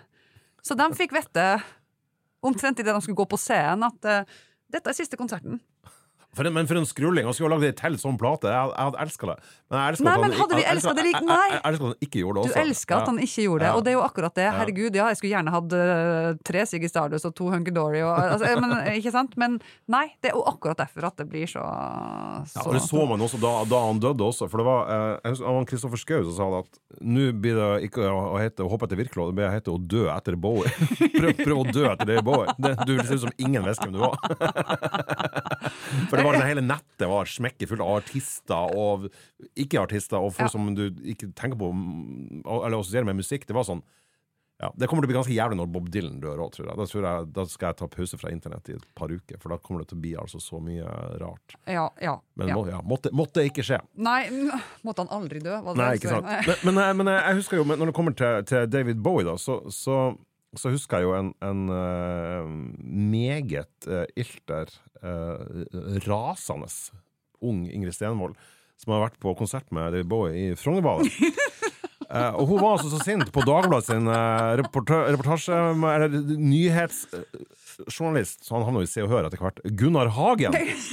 Så hun Ingrid uh, satte seg ned og skrev et avisinnlegg til uh, Dagbladet. Å, det har jeg glemt. Eh, Dagbladets kjærlighetseventyr er Ja. overskrifta du brukte, og så, så, så begynner du. Eh, Det her er 26. juni 2004. Vi, var- vi var to. Det var to, ja. Ja, Du- du, du Esken helt alene. Hvem var du og Kari Romøren hun var vaktsjef i, i Vi jobba i P3 Nyheter og var veldig Det- opptatt av etterrettelighet og troverdighet Ja. blant journalister. Og dere begynner da.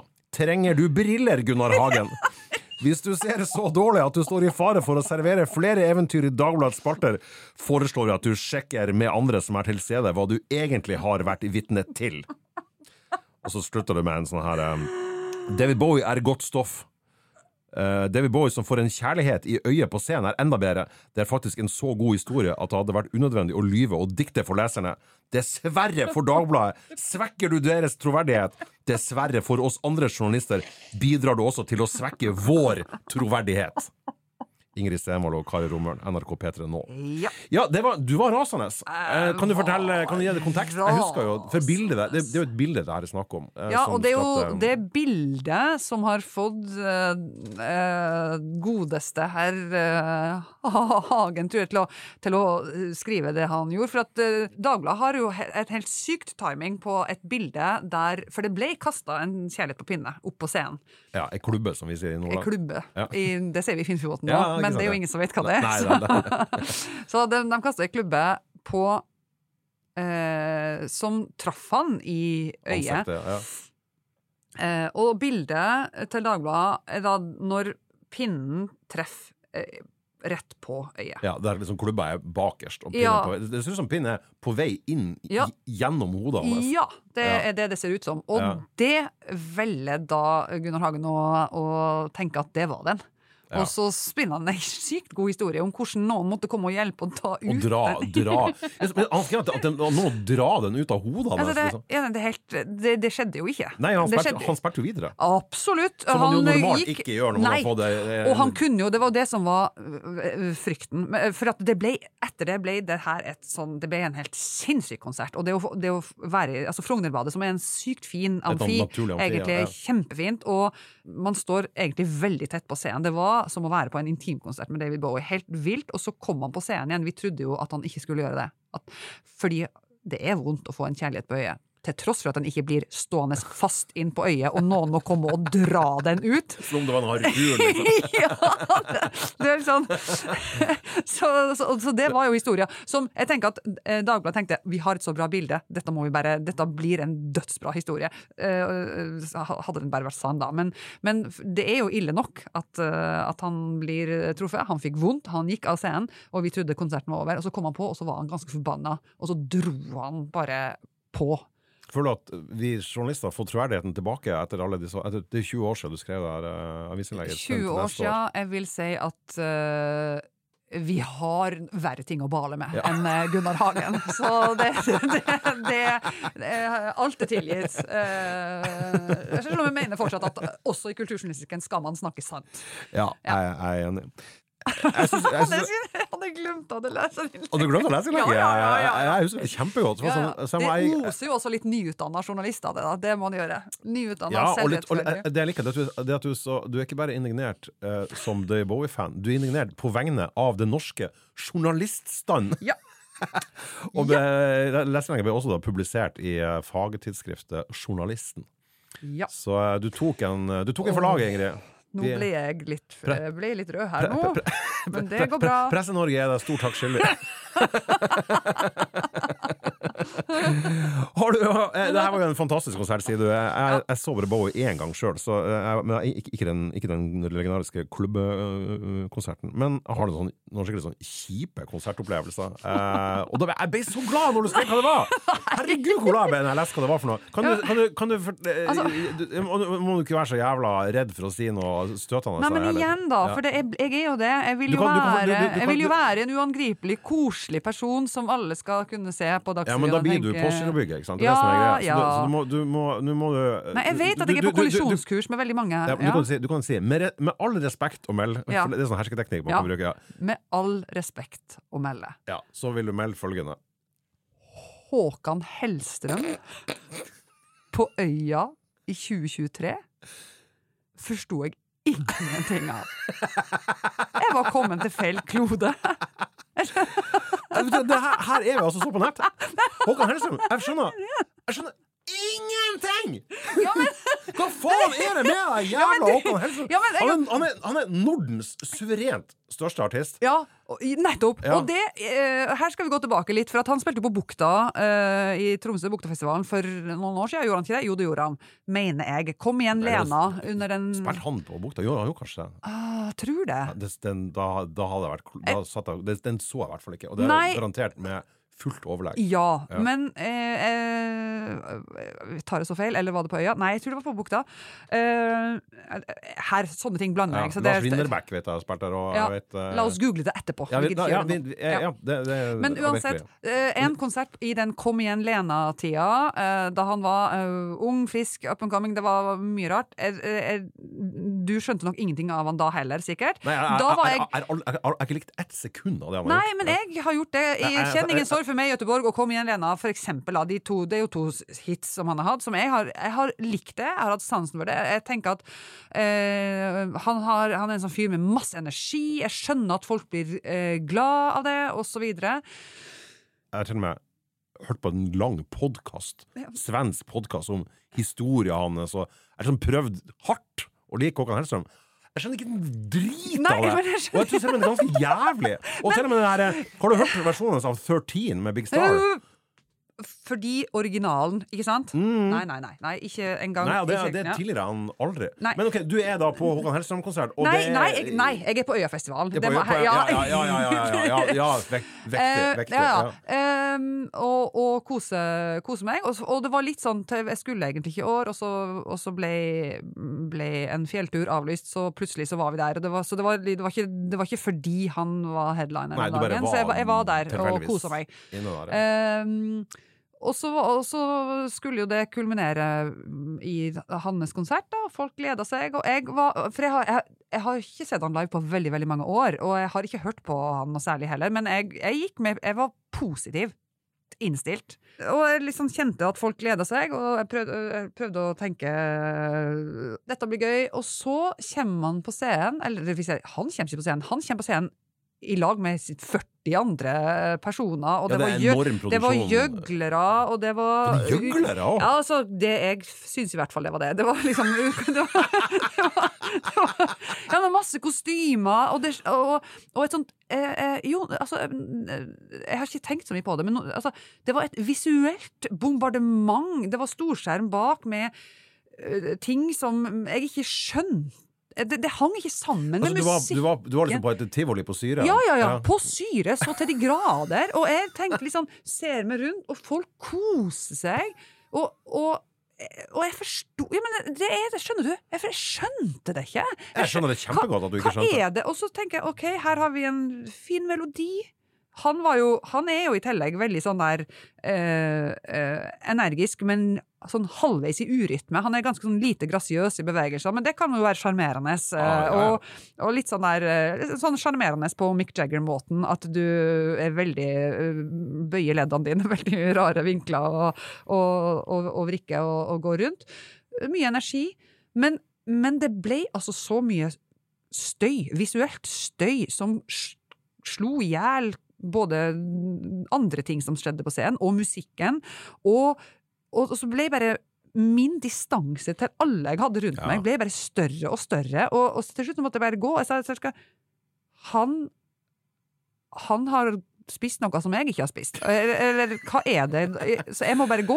Det er, Jeg det er fascinerende å høre på. For det, der er liksom Jeg har det akkurat sånn med Håkan Hellstrøm. Altså, jeg, jeg, jeg, det, er- det har jeg prøvd Jeg har til og med Jeg skal si at jeg prøvd å like det, jeg prøvd å forstå det. Ja. Og gå litt sånn åpensindig Eller åpen, hadde sånn åpen sinn når jeg gått inn i det. Og sånn, ok, nå skal jeg gi det her en sjanse, og sånn. Eh, Men når jeg, når jeg kom til 13, altså da, da, da, da bare sånn, nå er det faen, meg krig, tenkte jeg. Sånn, da, nå, det her Det går jeg ikke med på. Nei, så jeg gikk på Kampen Bistro og hørte Styva linan. Et bitte lite koselig, artig uh, Göteborgsprosjekt uh, som var mye bedre, mye bedre og morsommere. Han spiller litt sånn uh, popaktig, poprockaktig eh, danseband. Det er sånn eh, sextett. Ja, ja. ja, ja. Helt topp. Men ikke- Kjempebra. Uten 40 gjøglere på scenen. Ja, Overhodet. Null gjøgleri. Eh, det var bare, bare bra. Nei, så det liksom, Jeg trengte ikke gå langt tilbake. Det var, det var, bare, det var, det var bare rart. Fantastisk. Fantastisk. Ja, ja, ja. ja. Jeg syns kanskje det der er en helt superb måte å eh, gå ut av denne podkasten på. Det, er liksom at det, at det henger i lufta eh, et, en journalistisk irettesettelse av et stort popkulturelt fenomen fra et menneske som før har gått i krigen med penna for integritet og smak og anstendighet. Eh, Det har vært fantastisk hyggelig å ha deg her, Ingrid. Veldig kult at du kunne stille midt i valgkampen også. Eh, Jeg vet Ja. at du er jævlig opptatt. Um, Husk å stemme, skulle jeg til å si, men så tipper jeg i denne podkastverdenen at denne Eh, vi, vi, sier, vi håper dere husker å stemme mens dere hadde muligheten. Nå er det for seint hvis dere ikke stemte! Losers! Dere har ikke lov å klage det om fire år. Nei. Eller to, da. Stortingsvalg. Det er kanskje enda artigere å stemme. Ja. Ja. Ja, jeg er ikke så nøye om du har stemt eller ikke. Tusen takk for at du kom, Ingrid, og lykke til med alt du holder på med. Og aldri slutt å være det musikkmennesket som vi vet er den ekte Ingrid. Tusen takk for meg. Og jeg føler at det svinger mer og mer. Tore Tang er mamma, hele byen kjenner han.